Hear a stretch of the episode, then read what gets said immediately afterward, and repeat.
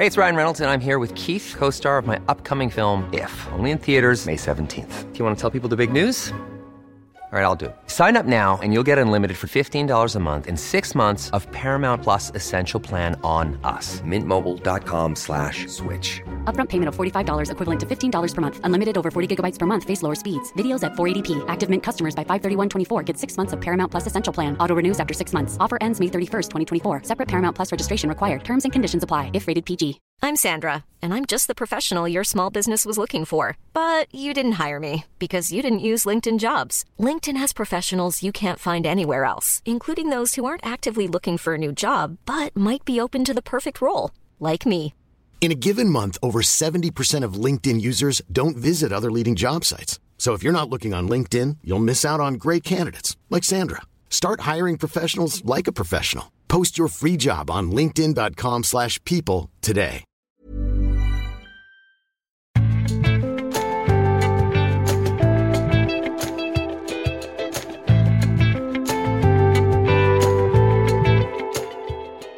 Denne ukens episode av eh, Tore og Tarjei blir eh, tatt opp eh, i et klasserom på Bildøy bibelskole. Her, Tore Hjalmar Sævik, var jo du faktisk i sin tid elev.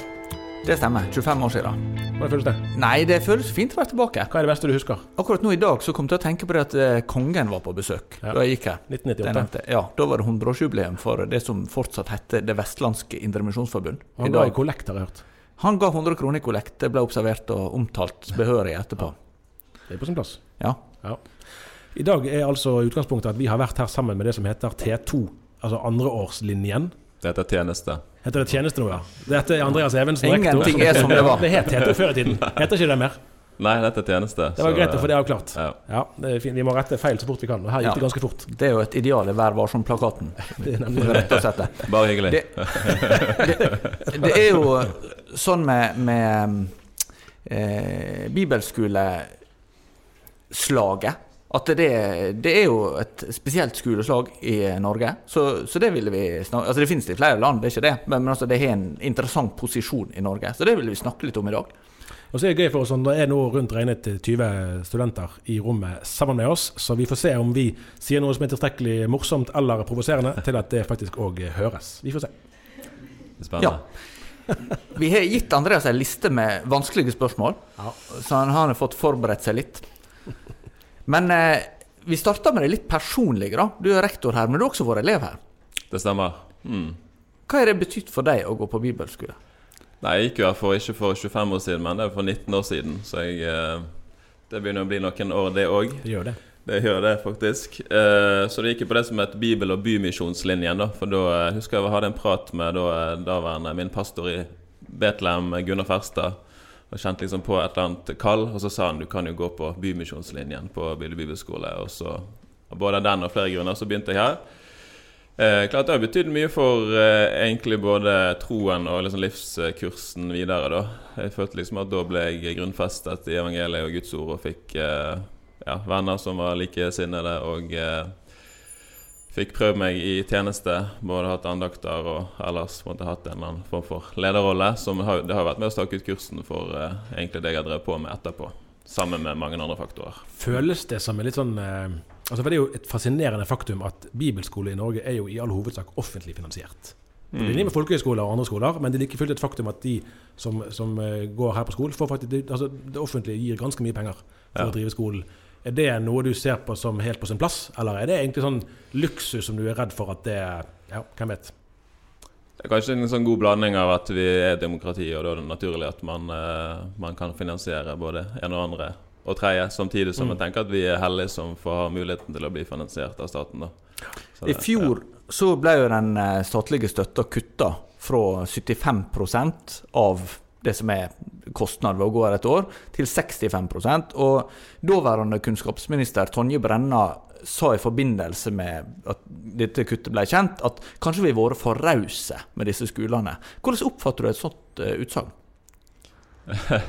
Ja, på en måte er det litt deilig at vi liksom, selv om vi fikk ut statsstøtten, så fikk vi høyere studenttall enn kanskje noensinne. Så er det liksom in your face Tonje Brenna at eh, vi klarer oss likevel. Ja, for Dette er Eh, jo så det- Norges ja. største bibelskole i antall studenter. Ja, sant? så um, det tenker jeg er jo positivt, som jeg tenker meg at dette kommer ut offentlig òg. Men Mm. uh, det, det som er at uh, Nei, for rause. Jeg tenker jo at uh, en er, med, er, jo med og støtter uh, mye forskjellig. Mm. sånn at uh, Men jeg tror at liksom bibelskoleslag Jeg har jo vært litt sånn kasteball i lovverket, og man klarer ikke helt å forholde seg til det. på en måte I hvert fall hvis man ikke har noe sånn personlig kjennskap til hva en bibelskole for noe. da Så merkes det at hvis politikere har vært på besøk, så får de noen ansikter, og de får et navn på på ting. Og når de sitter i budsjettforhandlingene, så er det kanskje lettere liksom, ja, Bibelskole, ja, der, jeg var jo der en gang. Og det, der var det flotte ungdommer, og det var liksom uh, gode greier. Så det kan vi støtte.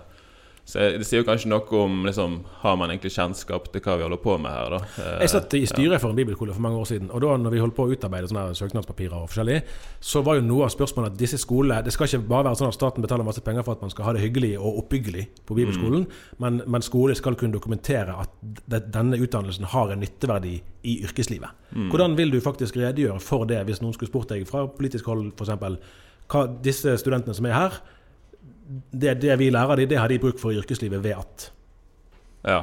Nei, jeg tenker jo at uh, altså, Selvfølgelig har vi en uh, hva skal vi si, en trosmessig slagside. At vi vil gi opplæring i Bibelen og kristen tro. og De får møte Jesus i evangeliet og alt det der. Også samtidig er jo en måte sånn dannende. Det er jo veldig formende å gå på bibelskole, sånn som vi tenker. Og at jeg tenker at samfunnet har jo godt av uh, unge mennesker som er, har gode etiske refleksjoner, og som tenker at arbeid, om en er sykepleier, lærer eller hva som helst, så tjener man Gud gjennom det, og da må man gjøre en best mulig jobb. da. Så jeg tenker at vi, ruster egentlig opp samfunnsborgere på ulike måter. Vi bygger karakterer, og vi gir ikke de på en måte ferdighetene til å gjøre det ene og andre, men vi gir på en måte et slags eh, et grunnlag eh, som kan komme til nytte da, i det arbeidet som en eh, velger seg, som man kanskje ikke får automatisk andre steder. da. Hvordan tenker du om å eh fortsette å gjøre eh, politikere, f.eks., eh, eller ikke minst, klar over en sånn dimensjon. Som eh, tenker jo at løsninga kunne være at bibelskoler, eh, bibelskolene ble folkehøyskoler, men hadde fagplaner som eh, var tydeligere uh, retta mot det å, å, jobbe med Bibelen og, og kristen tjeneste. Andre tenker at da er vi liksom i ferd med å å redusere eller viske ut vårt særpreg. Hvordan tenker du om det? Nei, Det er jo noe med det med bibelskolens egenart. da. Skal vi liksom blankpusse den og tenke at vi er, på en måte noe annet? Altså Vi er jo folkehøyskole lignende med tanke på liksom vi har linjeundervisning, vi har vi er på turer, vi har internatliv og de tingene der. Så på en måte mye ligner jo på en folkehøyskole. Så har vi likevel den egenarten. da, Så er det på en måte ikke beint fram. Det er ikke sånn at vi kan liksom ringe til folkeskolekontoret og si vi har lyst til å bli folkeskole, Så ordner det seg. Det må liksom åpnes politisk, da. Men sånn per dags dato så tenker jeg at vi kan eh, fortsatt prøve å jobbe politisk. Du fikk jo en liten sånn wake-up call med tanke på det statsstøttekuttet hadde. Mm. Særlig Bibelskolen i Grimstad liksom foran og dro i gang uh, besøk til politikere. Og vi fikk, fikk opprettet noen kontakter, da, så vi ønsker vel å opprettholde det og tenke at vi må jobbe inn mot lokal folkevakter som kan ta med seg signalet videre for å vise at vi har en samfunnsnytte, vi har en verdi og vi har en, en plass i det norske samfunnet. Men det er ikke, det er ikke liksom konkludert når vi skal gå der eller der. Men det er noe med den der å bevare ja, hva skal jeg si, hva er, hva er det vi er til for? Hva er vi, hva er vi gode på spesielt da, eh, som bibelskole? Jeg lurer på vi snakket litt med studentene i sted her om, om, den dobbeltheten som jeg tror mange kristne kan kjenne seg igjen i. At man på en måte representerer majoriteten. At en sentral kulturbærer i Norge, tusen års eh, kristen historie. Samtidig som jeg tror at de fleste aktive kristne i hverdagen går mer med en følelse av å tilhøre en minoritet. Og, og til tider kanskje en, en, litt utsatt minoritet. Ikke sånn juridisk eh, på den måten, men, mm. men, i form av sosiale belastninger, kanskje. Eh, er det noen forskjell for eksempel, opplever du fra din egen bibelskoletid til de studentene du møter nå, i den der opplevelsen av eh, å være truet eller ikke?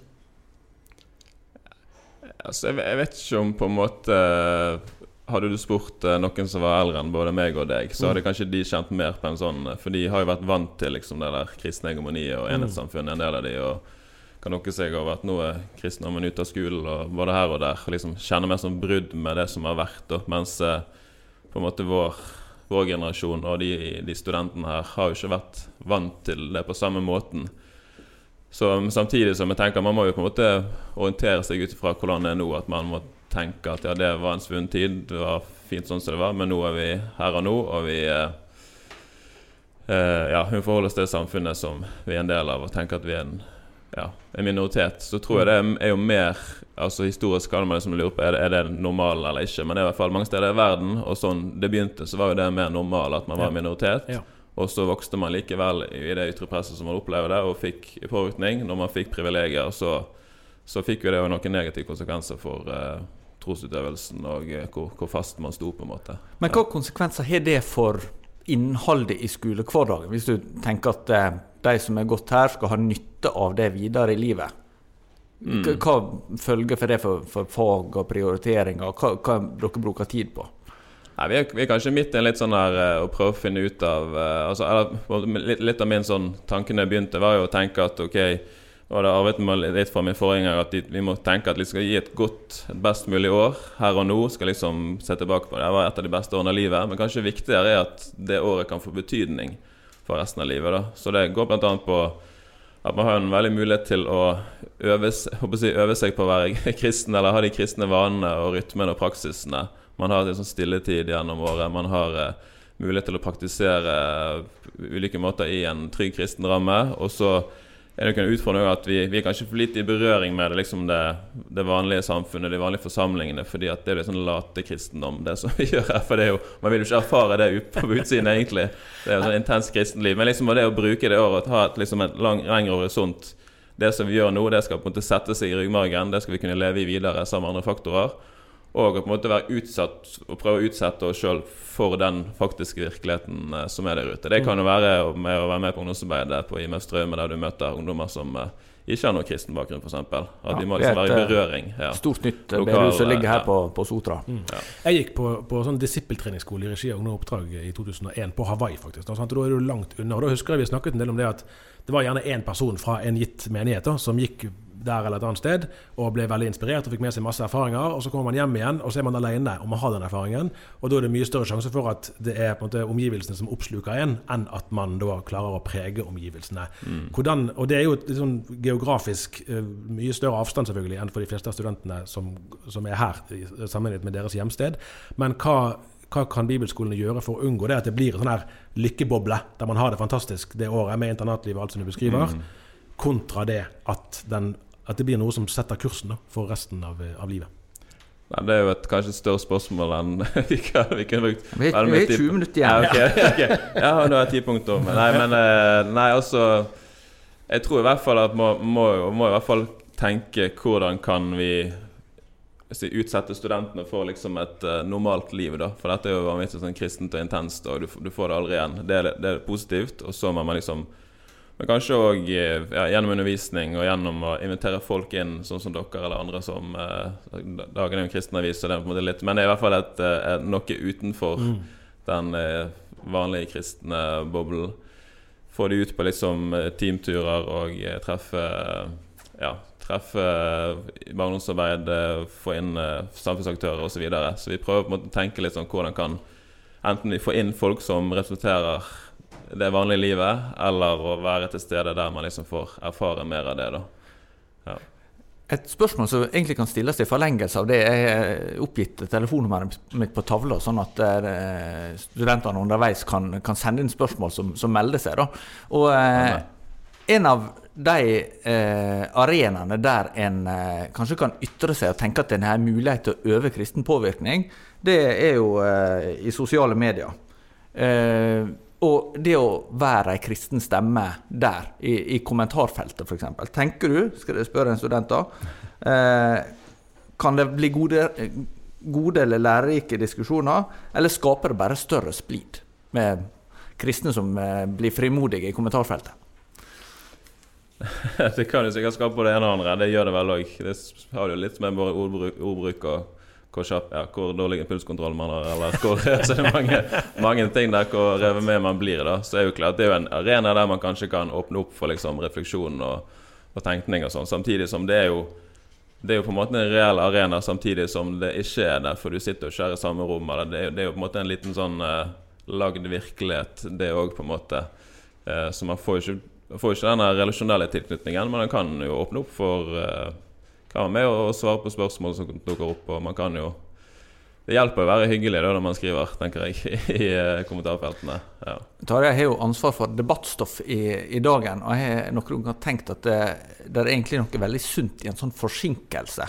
At det må gå via et annet ledd. da, For det som skjer Mm. Hvis du mener noe veldig sterkt på Facebook, så er du, eh, du kan vel trykke enter, og så suser den ut i cyberspace. Du har jo Men ingen før- gatekeepere, på en måte. Sånn, Nei, eh, før ja. så, så måtte du liksom sende til en redaksjon, og det er vel skjedd av og til at folk eh, har ringt inn etter at innlegget var sendt, og kanskje tenkt seg litt om en natt til. da. En natt der ikke nødvendigvis sov så veldig godt, og fant ut at det er ikke sikkert du trenger, trenger å trykke dette innlegget Men på den annen side faktisk, det var litt fascinerende akkurat det der, fordi at For en del år tilbake så hadde vi et sånt kommentarfeltsystem som ikke var Facebook-basert. eh, og Da var det mye lettere å kommentere anonymt.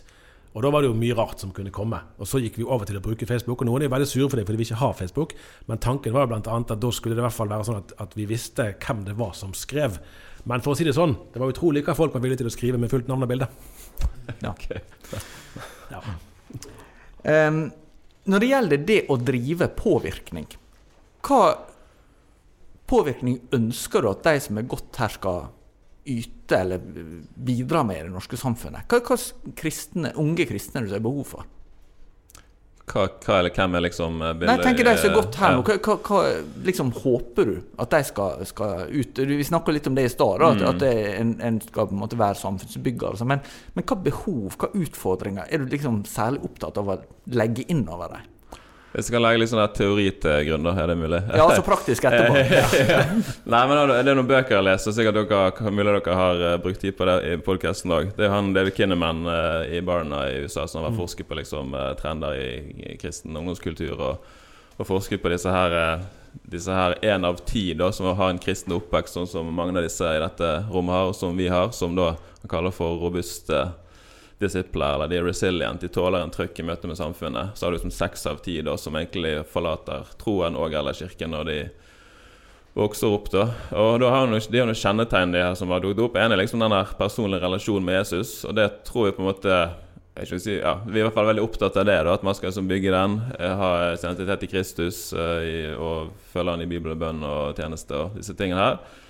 Men så har man jo òg bevisstheten om å være en motkultur i samfunnet. Man har eh, bevisstheten om å ha et, et at forholde seg til flere generasjoner. Og så har man dette med arbeid. At, eh, og Det er jo liksom den lutherske kallsetikken at eh, om en blir pastor eller eh, ja, eh, lærer eller sykepleier, et eller annet sånt, da, så er det bare med sånn der Ok, du tjener Gud gjennom det du gjør. Du trenger ikke ha dårlig samvittighet hvis du går hjem fra jobb som sykepleier og tenker jeg fikk ikke vittighet for noen i dag, men gjorde du en god jobb og fikk hjulpet dem og var, var hyggelig, så så har du tjent Gud. Det er din åndelige gudstjeneste. Og det høres jo veldig sånn Ja, det var jo ikke sånn supervisjonært, da, men hvis du tenker at uh, de som sitter her, kanskje noen av dem ender opp i en liksom uh, profesjonell kristen setting, men de fleste vil ende opp i noe annet. Hvis de går ut og tenker at reiser, De står opp om dagen og så tenker jeg skal på jobb, og jeg tjener Gud gjennom det som jeg gjør, da, så tror jeg det den bevisstheten, denne holdningen i seg sjøl, vil jo være Den er jo veldig frigjørende for den enkelte. For det blir ikke sånn press om å skulle prestere en eller annen kristen tro, men du gjør det gjennom det du gjør, og så får du noen muligheter til å, å dele evangeliet, men du vil på en måte vekke oppsikt, tror jeg, med å Ja, her gjør jeg en, en god jobb, da.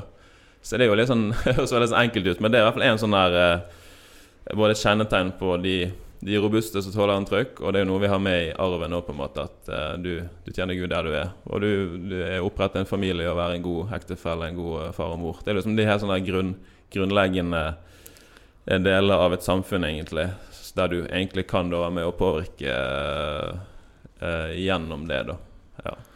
Hvordan jobber dere med å få det åndelige og det praktiske til å henge sammen? Jeg, spør litt ut fra at jeg har et inntrykk av at eh, for en del kristne så er det ganske utfordrende å, s- å finne ut hvordan det, det som jeg opplever inni det kristne fellesskapet, der vi eh, Ja, det er forkynnelse, og det, og det er eh, musikk og sang, og det er bønn, og det er mye som en opplever Ja, dette her er fellesskap rundt, dette her deler vi, dette her er veldig viktig for oss. Men så går jeg ut, og så møter jeg andre mennesker som tenker liksom Ja, Gud, jeg har aldri tenkt noe på det, eller eh, så menighet, er du med i Jehovas vitne, eller er det liksom Hva hva er det sånn eh, er Ja, hva, hva er det du tror på, liksom? Så tenker en oi, dette ble veldig vanskelig å forklare. eh, Og, og ta ut dette her, for det var, det var så bra der inne. Men hva ja. betyr det egentlig her ute? Mm. Nei, altså Hva vi gjør for det, det er noe vi litt mer sånn, eh, kan reflektere. Kanskje man kan spørre gjengen her og hva de Hvis det var naturlig. Eh, Om det, da. Men det, det som eh, altså, Jeg hadde nok undervisning med førsteåret hindagen, og da snakket vi egentlig om dette med å være robust disippel. Hva kan liksom, du som bibelstudent Hvordan kan du bruke året til å, liksom, å bli denne motstandsdyktige som følger Jesus og påvirker andre? Og da snakket vi en del om det med å tørre å stille spørsmål her, da. Og tørre å liksom være uenig og ha, ha en gode samtaler der. Hvis du da møter de spørsmålene på utsiden, hvis du aldri liksom har tørt å egentlig stille de spørsmålene på en måte på innsiden her da, i boblen, da vil det være mye mer krevende. Så det er liksom det å tillate å si, tvil og spørsmål Det er ingen spørsmål som er for dumme, og at vi lærere, vi som jobber her, både kan si Nei, det vet jeg kanskje ikke svaret på, og si at det er bra du spør, og prøve å besvare det. Så får man på en måte stukket hull på den, den der bobla eller ballongen her inne, og da kan man da gjennom å praktisere trygge rammer kan være bedre rustet der ute eh, til å gjøre det. For hvis man er stille her, så er man stille ute. Men hvis man kanskje snakker mer om de tingene og møter på der ute her, så kan man eh, ja, ha en større mulighet. Dette er jo en eh, bibelskole som har eh, eksistert ganske lenge, over 100 år. Eh, ikke her hele tida, men den var i Bergen til å begynne med, og så flytta den hit ut til Sotra eh, da, tidlig på 1980-tallet. Eh, ganske mye av den historien så er jo de som kom hit, hatt nokså lik bakgrunn fra bedehus på Vestlandet i stor grad. da. Eh, hvordan ser elevmassa ut i dag? Eh, har de egentlig lik bakgrunn, eller er det veldig mye forskjellig det kristne miljøet en kommer fra? Altså, det, er jo, det er jo forholdsvis homogent, vil jeg tenke. Altså Det er jo en del her inne som har svart belte i kristen internatskole før de kom her. Så de er liksom på femte året eh, og har eh, gått på en eller annen eh, ja, eller en internatskole. Så sånn sett er det, det er liksom homogenitet i det. Så tenker jeg liksom at den eh, på en måte kirkebakgrunnen eller menighetsbakgrunnen er jo mye fra liksom bedehus, eh, kirke, frikirkelighet. eh, så, så det er, det er forholdsvis likt. da Så det som er litt i, i år så er det også ganske mange som ikke har det der svarte beltet, da, men som har, har gått offentlig. Det er jo ganske radikalt nå til dags. Så vi har kanskje sånn 50-50-fordeling på, på det. Og det tenker jeg er veldig positivt, for da har, du folk som har vært ute en internatt eh, før, som kan eh, Ja, det kan være en sånn gjensidig eh, hjelp for hverandre, da. Jeg tenker av og til tilbake på min egen tid på, på en kristen ungdomsskole da, på Danielsen inne i Bergen sentrum her. og da det er sånn som kan fremstå nesten sånn komisk nå, for da kunne det faktisk helt reelt skje at vi kom for seint inn i timen fordi det var så heftig debatt om dåpsteologi i friminuttet. Det er jo gjerne ikke sånn det er på de fleste norske skoler, verken da eller nå, men jeg lurer på hva slags temaer her da er det du opplever vekker engasjementet hos studentene? Jeg tror den timen jeg hadde i fjor, eh, troslærertimen som jeg hadde, det var nok dåpen som skapte mest. Ja. Det var litt sånn Yes, endelig er det liksom spørsmål, og de, de lurer på ting, da. Selv om man har eh, noenlunde lik bakgrunn. Så det var mer sånn å prøve å forstå seg på dette eh, underlige lutherske dåpssynet. Ja, for for- for- Ja. Illustrasjon, da. Sant? Mm. Altså, Ingunn Breistein, som nå snart er, eller, som er avtroppende rektor på, på Ansgar, eh, fortalte jo om altså, Høgskole og bibelskole i Kristiansand. Jeg driver med sånn kristen dekoding. For jeg tenker vi ikke alle som er helt innforstått med alle begrep og navn. Hun har fortalt at, at de har der et fag som er sånn konfesjonskunnskap. Altså hva er forskjell på metodister, baptister, frie venner osv. Det, var det, det var et sånt fag som nesten ingen ville ta lenger. Ja. For en generasjon siden var jo det kjempeaktuelt. Og f.eks. Ja. dåpsdebatten var jo sånn som engasjerte veldig mange. Ja. Hvordan er den bevisstheten, opplever du i dag? Nei, jeg, jeg tror på en måte det er lav bevissthet på skillelinjene. Så det er liksom på, på godt og vondt. Da. Eh, Jeg vet ikke om det er vondt, men i hvert fall litt sånn utfordrende. For det, det finnes noen skiller der. Så jeg tenker kanskje at de spørsmålene handler mer om eh, var Unnskyld til gjengen der. Han har mer om lavere kunnskapsnivå enn en, en, eh, begynner, Her var det roast i podkasten. Nei, men eh, hvis det Andreas blir igjen her etterpå. ja, ja, ja. Nei, men sånn at man, han kommer med et annet grunnlag i dag enn da Tore gikk for eh, 25 år siden. Sant? Og kan kanskje forutsette litt mer. Så da hadde man Men, men likevel, altså, er det, er det fordi at uh, altså, Kristen livsforståelse kan jo måtte, gripes an på forskjellige måter. Du kan spørre om er det mest liksom, hjelp til det indre troslivet, til bønneliv, rytmer, bibellesning. Eh, men for mange kommer jo kristenlivet til uttrykk vel så mye i samfunnsengasjement. Sant? Mm. Klimaansvar, f.eks. Eh, hvor er på en måte nerven, opplever du hos eh, studentene? Jeg tror kanskje det er det mest i den, her, liksom, den inderlige kristne Mm. de, de spørsmålene Jeg tror ikke det er så veldig mye, sånn, kanskje det er for lite klimaspørsmål. Ja, det kan være fattigdomsbekjempelse? Ja. eller ulike sosiale Men det går kanskje foreløpig mest på, sånn som jeg opplever det mer, de, si, de kristne kjernespørsmålene. Er det uttrykk for et eller annet i så fall? Nei, Jeg vet ikke om det er det kunstnernivået igjen. Nei, jeg vet ikke. Nei, vet- nei, det kan jo ha noe med hva man er opptatt av, men òg at så, klart vi, vi vektlegger jo mye den biten. Og vi Mm. tenker liksom at uh, høsten er jo mer sånn å få folk i gang med stilletid og morgensamling, de kristne trossannhetene, og så kan vi liksom utvide blikket på misjon og samfunnsengasjement på våren. Så det har kanskje liksom òg med årsrytmen uh, Men når, når det det gjelder sånn også klassiske liksom, spørsmål som, som eh, mange kristne, ikke minst i dine tradisjoner, har, har lagt stor vekt på, da, menneskeverd, eh, abort, eh, Mm. dødshjelp, og, og, altså, så, så handler om, om eh, menneskets verdi. Er det spørsmål som, som mye Det er i hvert fall noe vi prøver å belyse gjennom eh, seminarer, at man, eh, man snakker om det. Ja, Så har du på en måte hele med kjønn og homofili og de tingene som vi òg har undervisning om, og som det sikkert eh, Ja, kanskje, vi, kanskje det er en måte for lite spørsmål om, for det liksom er litt betent. eh, betent Ja, hvordan løser liksom, dere det? eh, akkurat de ja, ja, men, men når det Ja. er såpass følsomt, da? Altså, hvordan, eh, hvordan møter det? Ja, vi prøver Altså, vi har jo folk liksom eksper, ekspertene inne, liksom. Ottosen og Venestad og sånt, som har peiling og snakker om det. Og så tenker vi har jo tilrettelagt for mulighet for samtaler med lærere, og noen har ressurser på det, så man kan liksom få både liksom i, i den større sammenheng og i mindre sammenheng kan man få lov til å mulighet til å lure på ting og stille spørsmål. Men det er jo et tema som vi liksom ja, vi vet vi må jobbe mer med, og kanskje man er på en måte for seint ute. Men liksom, hvordan møter vi den enkelte student som kommer inn og lurer på hva, hvem er jeg egentlig, og hva, ja, hva disse tingene kjenner på, hva, hva det er for noe. Men, eh, Ja, for det har vært, ja. litt sånn, eller, uh, vært omtalt det at sånn på, på kirkemøtet i Norske kirke, så tenker man kanskje at de har diskutert homofili i 40 år. Mm. Uh, og det har de jo til dels gjort, men egentlig, egentlig er det mest, der er det mest faktisk klima uh, og samfunnsansvaret som har vært det som en gjentagende tema. Men i den, i hvert fall i vår avis, i den offentlige kristne debatten, så er det jo samlivsetikk. Og da er det jo fra samboerskap, skilsmisse, gjengifte, til nå, da, altså likekjønnet ekteskap og, og kjønnsidentitet. Som er, det er sånn eh, som, som trigger engasjementet eh, over tid. Og der er jeg litt interessert i å høre mer om det, hvordan, hvordan man snakker om det. Og I denne generasjonen er det fremdeles det som er eh, sånn testspørsmål. Er det der man liksom det, det brenner mest, eller er det egentlig andre ting som engasjerer mer? Hva skal man si, sa han og så utover.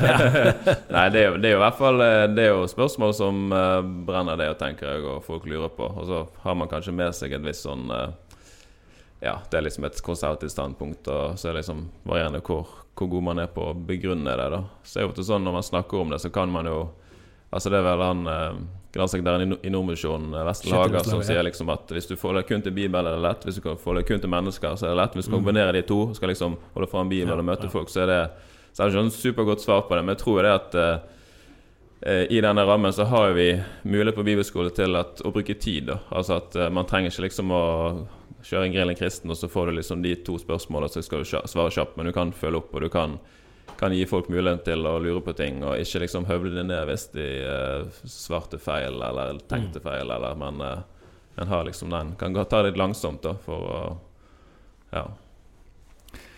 Eh, når det gjelder eh, prioriteringer, altså det, det å hva, hva valg syns du er vanskeligst å gjøre? Sånn som du nevner med å følge opp den enkelte, med å ha et attraktivt tilbud med turer osv. Eh, ha inn eksterne folk. Altså det, det, er et, det er jo et helt år, men det er samtidig bare et år.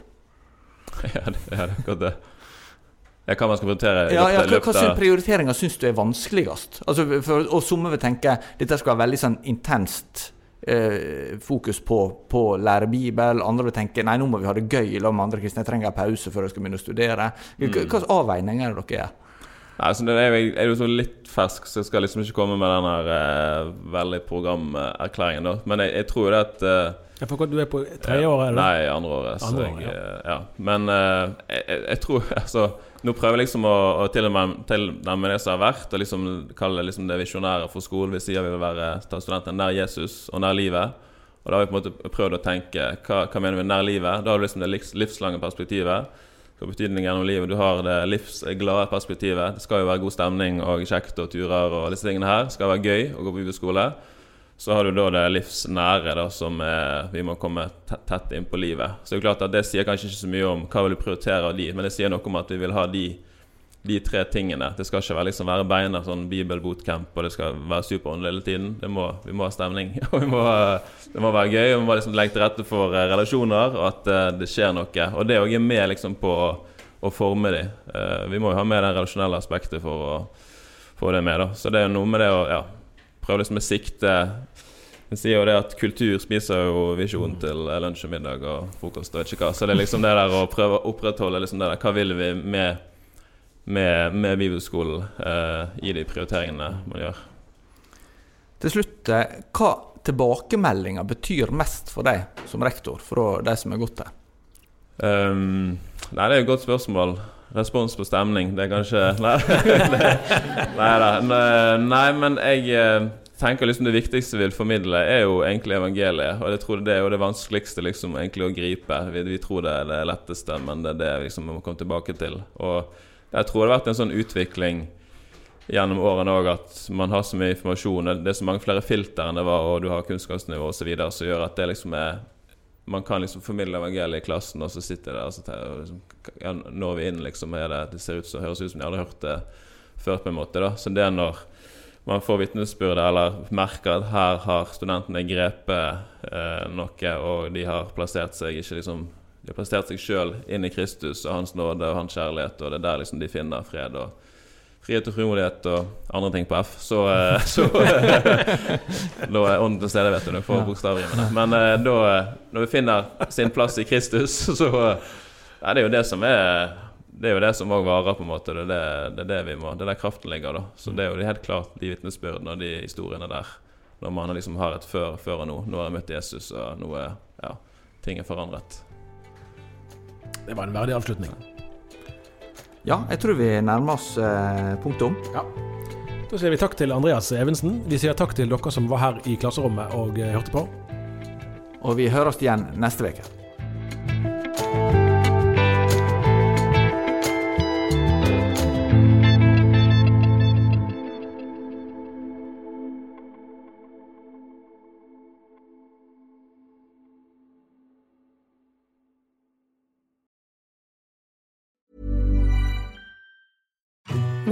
Infant formula companies use organic, grass fed whole milk instead of skim?